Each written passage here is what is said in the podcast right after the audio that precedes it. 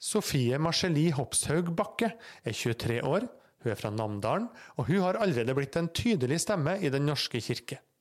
Nå skal du få høre hvordan det har forma trua hennes. Du skal også få høre om hvordan alt forandra seg totalt da en ungdomskompis og en bestefar gikk bort. Det her er På trua løs. Jeg heter Magne Vik Ravndal.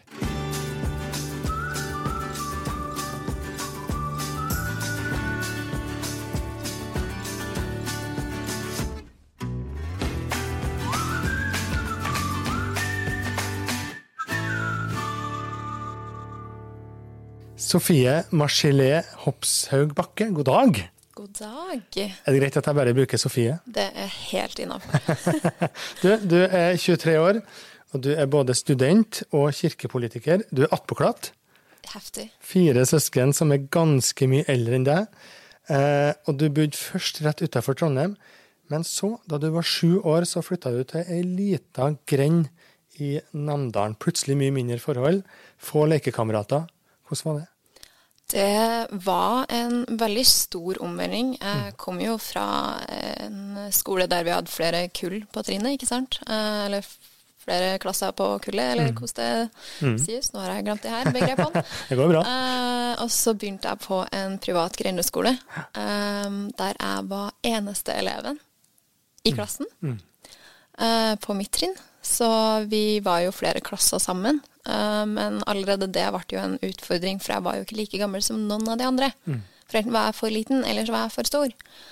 Um, og så var det en veldig sånn annerledes hverdag eh, med hvordan kulturen var når det kom til lekekamerater. Det var veldig litt skille på det her med jenter og gutter skulle leke med veldig forskjellige ting. Og man skulle helst være to og to jenter som leka sammen, ikke mer.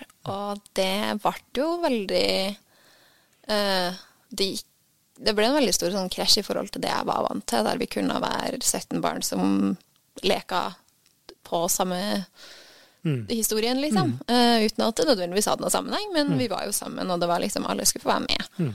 Uh, så det ble jo en veldig sånn Brå overgang. brå overgang, veldig tøft møte, eh, og prøve å finne seg venner i et miljø som var såpass annerledes enn det jeg var vant til. Veldig mye, veldig mye tilpasning som måtte til for å klare å få noe innpass der. Mm. Men det var noen fordeler òg. Jeg hørte du fortelle at eh, dere kunne gå fra middag til middag i grenda. Ja. Eh, jeg hadde en kompis som var et par år yngre enn meg, og vi var nesten de eneste barna i grenda. Um, og våre fedre hadde jo vært bestekamerater som barn, så alle visste jo hvem vi var da.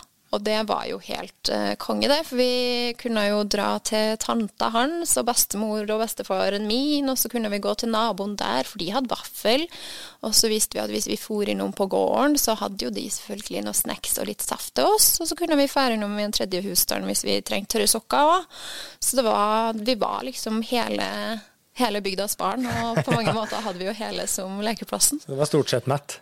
Ja, eh, vi spiste godt. Han, eh, han var veldig glad i fisk og fikk ikke så mye av det hjem, så da dro han gjerne på middag til oss. Og jeg ville gjerne prøve mat som ikke var heimlaga, eh, og dro gjerne bort til han og spiste middag. Og så var det jo greit å hoppe innom de andre og sjekke hva de hadde ellers òg. Mm. Du Sofie, du fortalt meg at det var ett nabopar dere ofte stakk innom. Fortell litt om det. Vi hadde et par naboer som bodde bare Jeg tror vi nesten var det du kaller vegg i vegg her. Um, og det var Hun ene jobba vel som trosplærer i kirka lokalt i Nærøysund. Og hun var med og bisto i søndagsskolen som vi hadde tilbud om på skolen de dagene vi slutta litt tidligere. Søndagsskole på onsdag. Ja, naturligvis. Eh, det er jo en selvfølgelighet, tenker jeg. Alle vet det. Uh, men nei, så vi pleide ofte å dra innom der, for det var, det var veldig spennende. Um, mannen hennes spilte både gitar og piano, og det gjorde hun òg, og de hadde jo orgel og piano der. og vi syntes det var veldig spennende å kunne dra inn der, for det var, det var et veldig lunt hjem. Um, og vi fikk alltid vi fikk alltid noe snop, og så fikk vi alltid høre på litt historier og varme oss litt. Og vi fikk uh, et eget lite innblikk i ulike salmer For uh, det var jo gjerne det de kunne å spille og formidle. Så det var veldig, veldig fin husstand å være. Mm. Og de tok deg altså med på søndagsskolen da, på onsdag. Fortell litt om det. Hva opplevde du der? Um, jeg følte jo gjerne utenforskap i skolen. Så det jeg opplevde på den søndagsskolen, var at det var ikke de her standardiserte rammene rundt oss. Jeg var verken for stor eller liten. Eh, jeg var akkurat passe, og jeg fikk være nysgjerrig og utforske, og eh, jeg fikk, jeg fikk oppleve de her fortellingene, bibelhistoriene. Vi fikk eh, holde hver vår filtfigur som vi skulle ha på en tavle, liksom, og fikk oppleve å være med å formidle alle de her fine, fine historiene rundt påskehøytida, rundt jula og fikk ta del i det. Så vi fikk Jeg opplevde i hvert fall at jeg fikk veldig eierskap til hver av de eh, evangeliene vi fikk jobb med. Mm. Og det ga jo utrolig mye. Det ga jo et eget trygt rom der jeg fikk lære um, uhemma, uten at jeg følte at det var feil, eller at jeg skulle ha vært på et annet nivå, eller at uh, jeg måtte på en måte korrigeres veldig mye, men jeg fikk eh, utfolda meg og slapp å sitte så mye i ro, som mm. jeg gjerne syns var litt utfordrende. Hvis du ser litt tilbake, Sofie, hva, hva, tenker du at de kveldene betydde for deg? Um, det er på mange måter den eneste undervisninga jeg kan si at jeg husker fra barneskolen. Mm. Uh, jeg husker ikke noe annen undervisning. Jeg husker en gang læreren ble sur uh, og kasta en bok uh, i gulvet. Dramatisk. Men uh, utover det så er det ikke så mye jeg kan si at jeg husker fra liksom tida mi på barneskolen på denne alderen, men jeg husker veldig godt de ulike fortellingene og hva vi fikk være med å skape mm. på, i det her fellesskapet, da. Så jeg tror på en måte det har vært med og satt utrolig mye spor i meg, mm. uh, og den er i dag, på en måte jeg kanskje ikke har tenkt så mye over før. jeg tror det har vært viktig for trua di, det du har i dag? Absolutt. Um, jeg hadde jo ikke et veldig sånn konkret forhold til hva det var å tro, og hvordan tro som er min. Mm. Når jeg var mindre, jeg var veldig opptatt av alle eh, evangelier og historier og fortellinger og mytologier. Jeg er ganske sikker på at jeg hadde en CD om uh, skapelsen i uh, norrøn mytologi, mm. som jeg hørte på repeat, og den kunne jeg garantert utenat når jeg var sju. Ja. Syntes det var kjempespennende. Uh, men jeg fikk liksom den friheten til å utforske alt det her. Og jeg husker på en måte at det festa seg veldig det jeg fikk lære om Bibelen og Guds ord og Jesu handling. Mm. Og det har fulgt meg veldig mye og vært med når jeg har reflektert over situasjoner som jeg har opplevd i senere tid. Mm. Du fortalte meg at du hadde en mor som var aktiv i frivillig i den lokale kirka. Ja. Du hang på. Ja. Hva opplevde du der? Uh, hun var jo både med i kor og forskjellige uh, arrangementer og hjalp til å bistå. Og jeg opplevde jo at jeg fikk være med som en liten sånn uh, fri rakker og springe rundt. Uh, fikk søke rundt i kirka og rulle under kirkebenken hvis jeg ville det, og stå fram på alteret og galleriet og balansere og opp i prekerstolen mm. og finne ut hva som skjedde oppi der. Um, så jeg opplevde jo at jeg fikk på en måte en helt egen verden med all den her fantastiske kunsten og kulturen og historiske monumentene som jeg fikk oppleve helt fritt. Mm. Um, veldig mye var jeg jo i den konfirmasjonskirka mi, uh, Kolvereid kirke, mm. Og også en gammel steinkirke som heter Lundring kirke i mm. Nærøysund. Mm. Og begge de var jo så utrolig flotte å få lov til å utforske. Um, og jeg husker at det var absolutt helt konge mm. uh, når jeg fikk være med og fikk litt frie tøyler, fordi at de skulle jo følge med de andre, så jeg var jo jeg kunne bare snike meg litt rundt. du snakka om at søndagsskolen opplevdes som et fristed. Var det sånn med kirka òg? Absolutt. Mm. Um, jeg har alltid vært et veldig nysgjerrig barn. Uh, og jeg har vært veldig glad i å lære. Mm. Og jeg har søkt forståelse og mening med alt.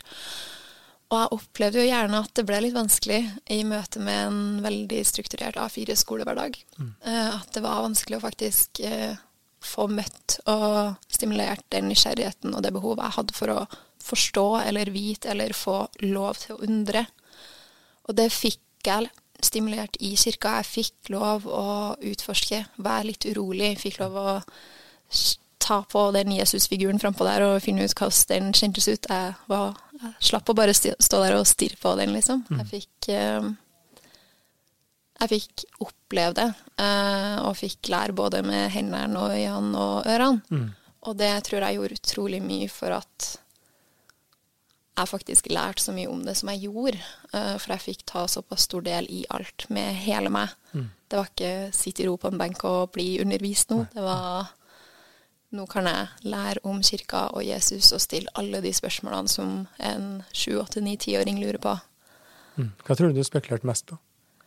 Uh, det er jo et veldig godt spørsmål. Det er jo litt vanskelig å se for seg det nå. Men uh, jeg var veldig opptatt av sånn uh, litt eksistensielle spørsmål. Mm. hva er døden? Mm. Og skal mamma og pappa dø en dag? Det syns jeg var et veldig vanskelig spørsmål. Det husker jeg det var en gang jeg satt i bilen. Mamma og pappa satt foran, og plutselig begynte jeg å hulkgrine. Mm. De skjønte ingenting. Ah, 'Bare dere skal dø en dag!' Mm. men jeg tror det å få lov til å komme inn i kirka og uh, få en såpass tilknytning spesielt til det åndelige, da, mm. ga utrolig mye for å på en måte gi meg sjøl rom til å forstå, eller la meg sjøl undre over de her spørsmålene. At jeg ikke trengte å begrense meg sjøl til å tro at ting er svart-hvitt, men ting skjer.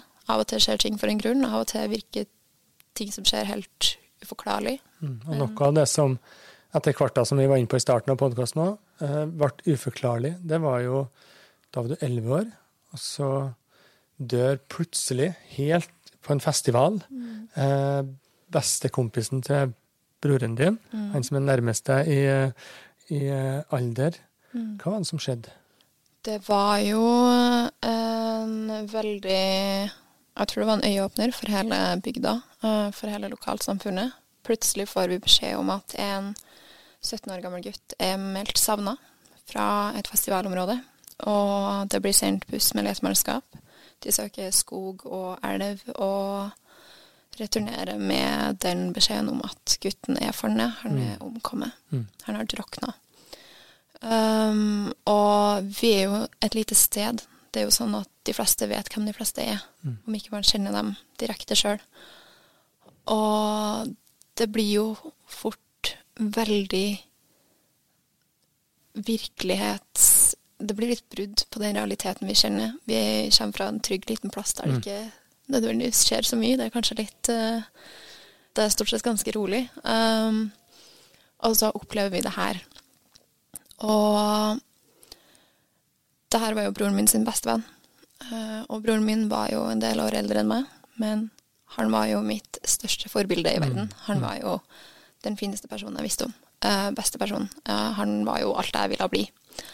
Um, men han fikk veldig, en veldig brå overgang til uh, et veldig hardt møte med virkeligheten. Mm. Rett og slett en konfrontasjon fra den tilværelsen han um, hadde fra før av. Og det var utrolig sårt å være vitne til det. Mm, for du sto helt tett på, og så beskriver du deg som en en jente som stiller spørsmål.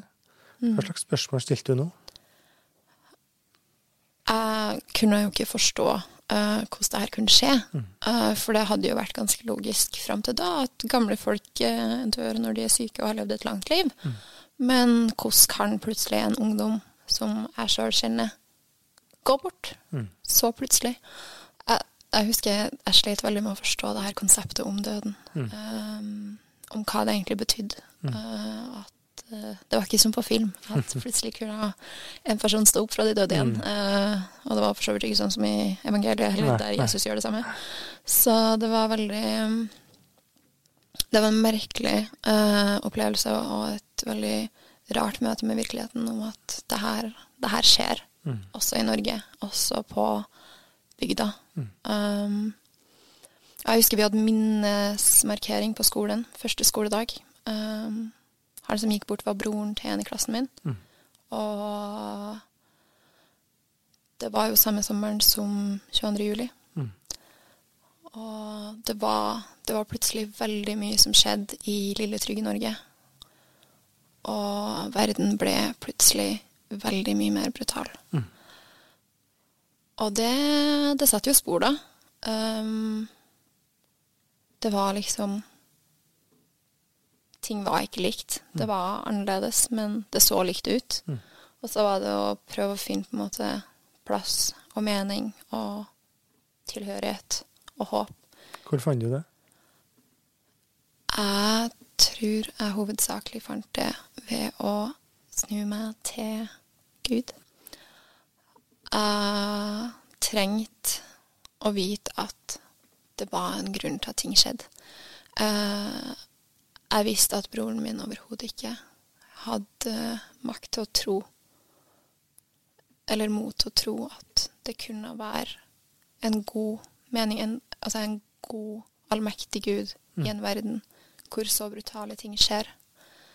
Så jeg tror en av de største grunnene til at jeg på mange måter har valgt å vie uh, meg sjøl så mye til den troa her, er, var for at jeg ville tro nok for broren min også. Mm. At uh, sjøl om ikke han kunne tro, så ville jeg at det skulle være en mening for begge oss. Mm. Var det et vendepunkt for deg i forhold til tro? Jeg tror absolutt det. Um, jeg hadde jo som sagt ikke hatt et veldig tydelig sånn standpunkt. Jeg hadde alltid syntes tro var utrolig spennende, og kirka var veldig spennende. Men plutselig, plutselig var hele verden så mye mer uh, Så mye skumlere. Mm. Uh, den var så mye mer omfattende. Og da var det veldig godt å vite at det var et trygt sted, at det var en mening at kanskje uh, hvis det er ment sånn, så kan vi be, og det vil bli bedre. Så jeg tror det var et veldig stort uh, vendepunkt for meg som, som troende og som barn. Mm. Eh, jeg tror det jo ga meg et helt annet perspektiv på alle de store spørsmålene i barndommen. Mm. Eh, verden var plutselig ikke den trygge lille bobla som jeg hadde kalt hjem, men verden var så mye mer Den var så mye større. Det var så mye mer som skjedde. Var det det samme du opplevde to år etterpå, da bestefaren din gikk bort? Ja, eh, på mange måter. Da var det jo igjen Han, han var jo en gammel mann, Mm. uh, så det var jo mye mer forståelig at han skulle gå bort. Sjøl om jeg syns det var altfor tidlig. Mm. Uh, som sagt så bodde jeg på et veldig lite sted, og bestefar bodde jo 50 meter unna oss. Eh, så jeg brukte jo å springe over jordet og dra til bestefar og spille kort, og han var jo for min del verdens herligste bestefar. Mm. Han var jo bestevennen min i barndommen, og det at han plutselig gikk bort en desemberkveld før jul, det det var forventa, men samtidig så uforventa. Mm. Um, jeg tror på mange måter det var vel en del uforventa fordi at jeg var så ung ennå. Mm. Jeg hadde ikke fortsatt forstått helt det her konseptet, hva er det som skjer, hvordan går ting fram. Men eh, det var det var en veldig tung erfaring, fordi eh, det prega jo pappa, det prega jo bestemor. Mm. Eh, det var så mye som jeg plutselig så at de rundt meg hadde vondt. Og jeg tror for meg har det vært veldig mye det at jeg på en måte vil jo at alle rundt meg skal ha det bra. Mm, Ha det bra. Og det å på en måte finne den eh, styrken til å ha det bra, det er noe man gjerne gjør i, gjør i fellesskap. Mm. Men jeg tror òg det var et av de viktigste vendepunktene for at jeg trengte Gud. Eh, da handla det ikke om de andre. Da handla det om at jeg trengte Gud fordi det her var en av de fineste menneskene jeg visste. Og jeg trengte at han ikke var borte for alltid. Jeg Mm. trengte å vite at bestefar er i himmelen, bestefar har det godt, bestefar er på et bedre sted nå. Ble du kristen, da? Jeg tror det var litt vanskelig for meg å definere når jeg ble kristen. Eh, noen sier jo at man er kristen fra dåpen, Mm. og det er man jo. Men eh, det å på en måte erkjenne for seg sjøl at man er troende, Mm. det tror jeg tar tid. Um, spesielt i Norge i dag for mange. Uh, I områder der man ikke er åpen Mm. kristen, eller at man ikke skal være åpen om troa. Mm. Og om jeg ble kristen da, eller om jeg ble kristen noen år før, eller om jeg var kristen fra Mm. dåpen, Mm. så var det i hvert fall da jeg bestemte meg for at det her er en tro og et fellesskap jeg vil ta del i Mm. for fremtida. Hvordan var det å, å ha en sånn bevissthet i en uh, liten kommune i Namdalen? Det var jo vanskelig. Mm. Jeg var ikke den som gikk rundt og sa at hei, jeg heter Sofie og jeg er kristen. Eh, det var ikke veldig populært. Eh, man skulle helst ikke ha Man skulle ikke være noe annerledes på noen måte. Man skulle helst ha akkurat samme jakke som alle andre. Fordi ikke skill deg ut, liksom. Eh, det er vanskelig. Um, men det forandra seg jo veldig litt seinere. Uh, gjennom konfirmasjonstida. Vi fikk lære litt i fellesskap. Det var flere som åpna seg opp og viste litt interesse for at det her er noe de tenker på. Mm. Men det var fortsatt ikke veldig mange som var åpne og sa at hei, ja, jeg er kristen, jeg tror på Gud, og Jesus er min bror, liksom. Men jeg opplevde at når jeg fikk kom inn i etter konfirmasjonstida i kirkedemokratiet, Mm. da var det plutselig veldig mye lettere å Ja, si for at det ble en forlengelse av konfirmasjonstida di. Ja. Eh, Du ble invitert med på et ungdomsting, som det heter. Et sånn Ja. årlig treff der ungdommer Ja, det ble en slags leir, men også en, eh, en, eh, noen dager med diskusjon om hvordan ungdommer vil at kirka skal være, og, og fellesskap, kirkelig fellesskap. Det er jo det Eh, øverste demokratiske organet Ja, det i bispedømmet, da. Ja, fantastisk. Ja, vi skal ikke gjøre det mindre enn det. Nei, Absolutt ikke. Det er bra du arresterer meg litt. Men i hvert fall så skal du dit. Eh, Du har bestemt deg for at dette har jeg eh, tenkt å ha et bevisst forhold til, dette med kristen tro. Hva tenkte du om hva som ville møte deg? Eh, jeg liker jo å tro at jeg ikke var en fordomsfull eh, 15-åring. Mm. Men eh, jeg ble jo møtt av meg sjøl i døra når okay. jeg kom dit. ok, fortell. Um, jeg var jo veldig sånn forberedt på at ok, men her kommer det til å være superkristne ungdommer.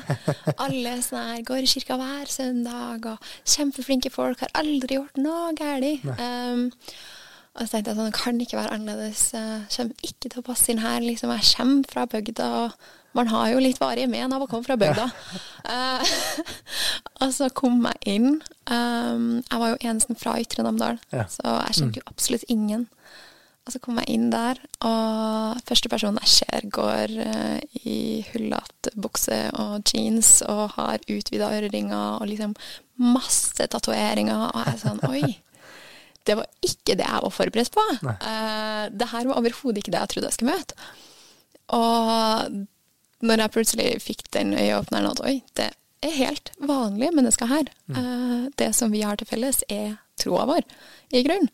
Og så det å etterpå se han samme ungdommen spille gitar og synge salmer, liksom, eh, på kvelden, det ble jo veldig det, var så mange eh, det var så mange konfrontasjoner jeg måtte ta med meg sjøl eh, etter den helga. Det var jo utrolig flott.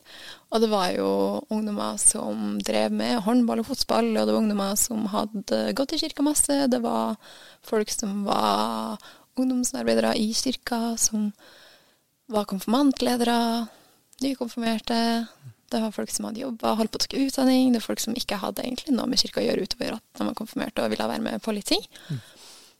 Så det var veldig mye. Eh, og veldig mye mer enn jeg trodde. Og det opplevde jeg jo som et veldig positivt eh, lite sjokk, da. For jeg var jo ikke forberedt på det i det hele tatt. Hva gjorde den helga, tror du, med trua di? Jeg tror den hadde veldig mye å si for hvem jeg er i dag. Um, den åpner jo opp øynene mine for at det er ikke noe skala på hvor kristen man er. Eh, det er ikke sånn at jeg ikke er kristen nok. Uh, og jeg har jo turt å ta tatoveringer i ettertid. Eh, og jeg vil jo si at jeg er absolutt like kristen som alle andre kristne. Um, men jeg tror den hadde veldig mye påvirkning på meg.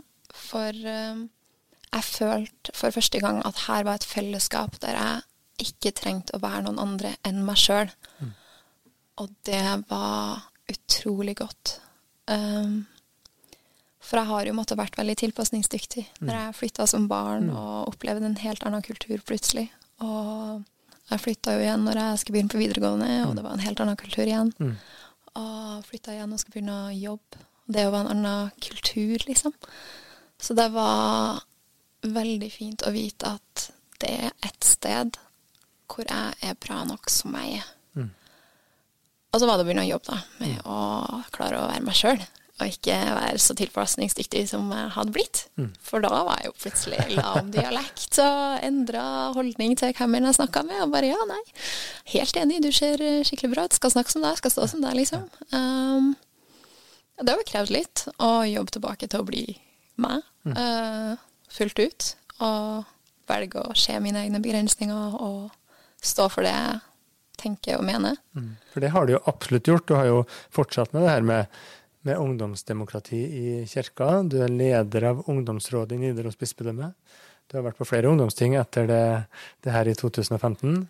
Eh, og i, eh, i, på sensommeren i år så sto du første gang på talerstolen i Kirkemøtet, som er liksom det høyeste organet i, i hele den norske eh, kirka. Hvorfor gjør du det?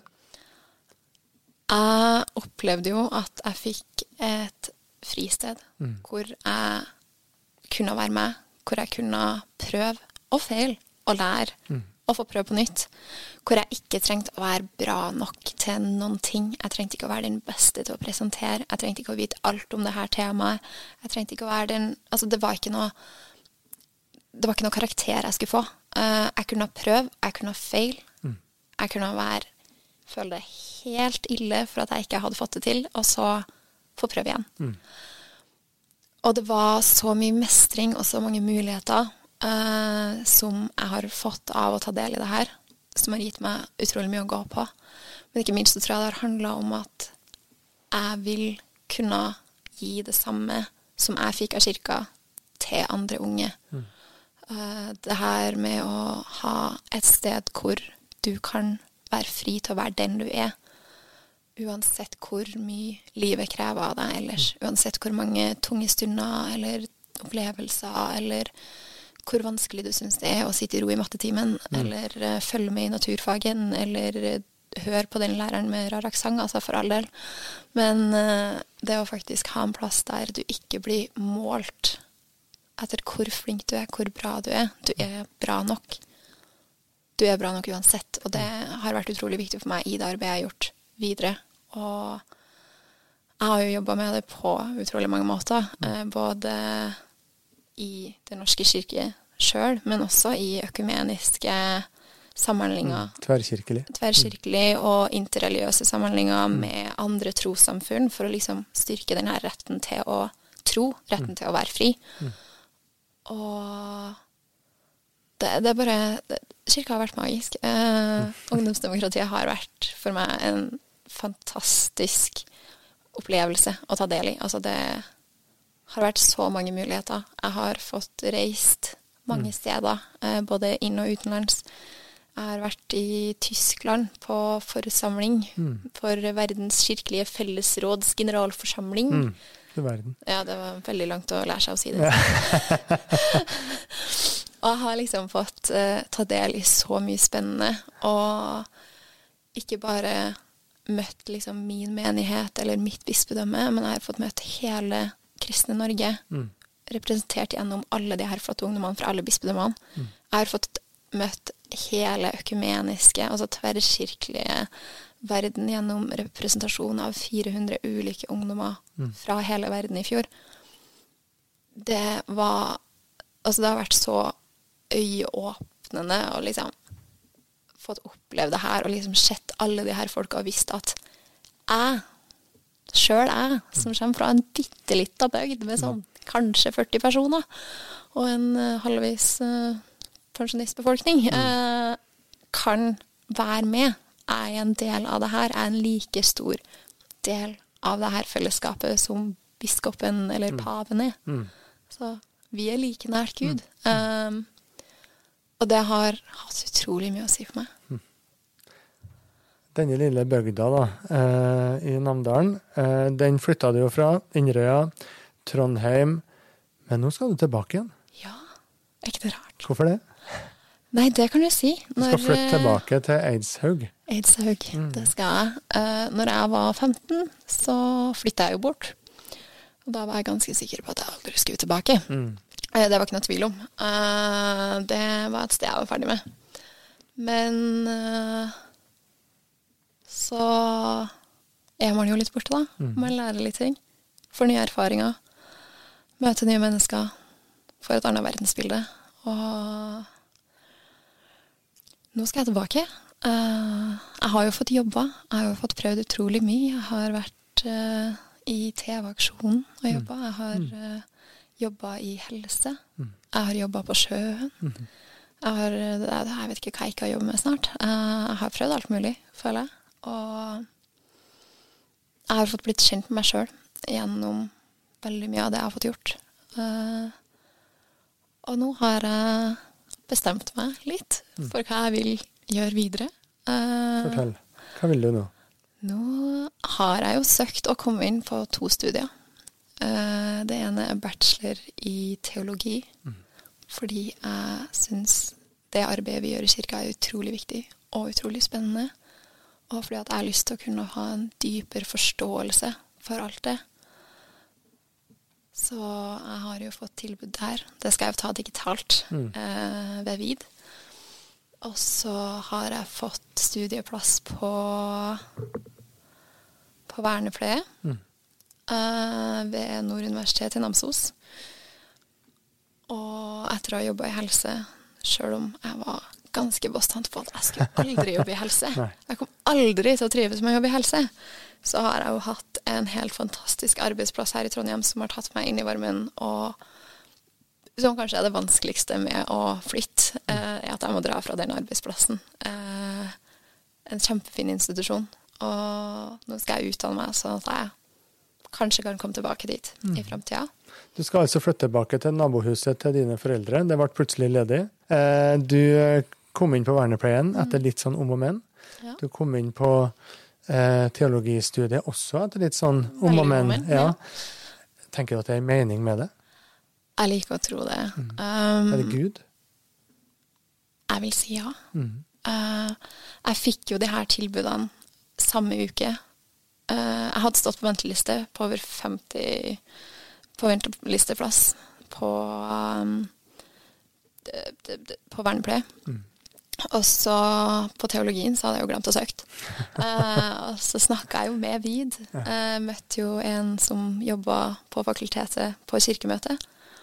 Og snakka om at jeg skulle jo kanskje egentlig søkt der, men jeg glemte det. Og de åpna jo inntaket for restplass etter fristen var gått ut, for at jeg skulle få lov til å søke. Og akkurat idet jeg hadde søkt og hadde sendt over alle papirene de trengte for å gi meg studieplass, så fikk jeg tilbudet på vernepleie samtidig. Så jeg liker jo å tro at det er en grunn til at jeg fikk begge to, men ikke det ene uten det andre. At det her er to veier som jeg skal følge og forhåpentligvis flette sammen til å bli et ja, et framtidig yrke for min del. At jeg kan bruke all den kunnskapen og kompetansen jeg får både fra vernepleie og teologi i det arbeidet jeg blir å gjøre i framtida. Lykke til, Sofie, og tusen takk for at du var med på Troaløs. Tusen takk for det.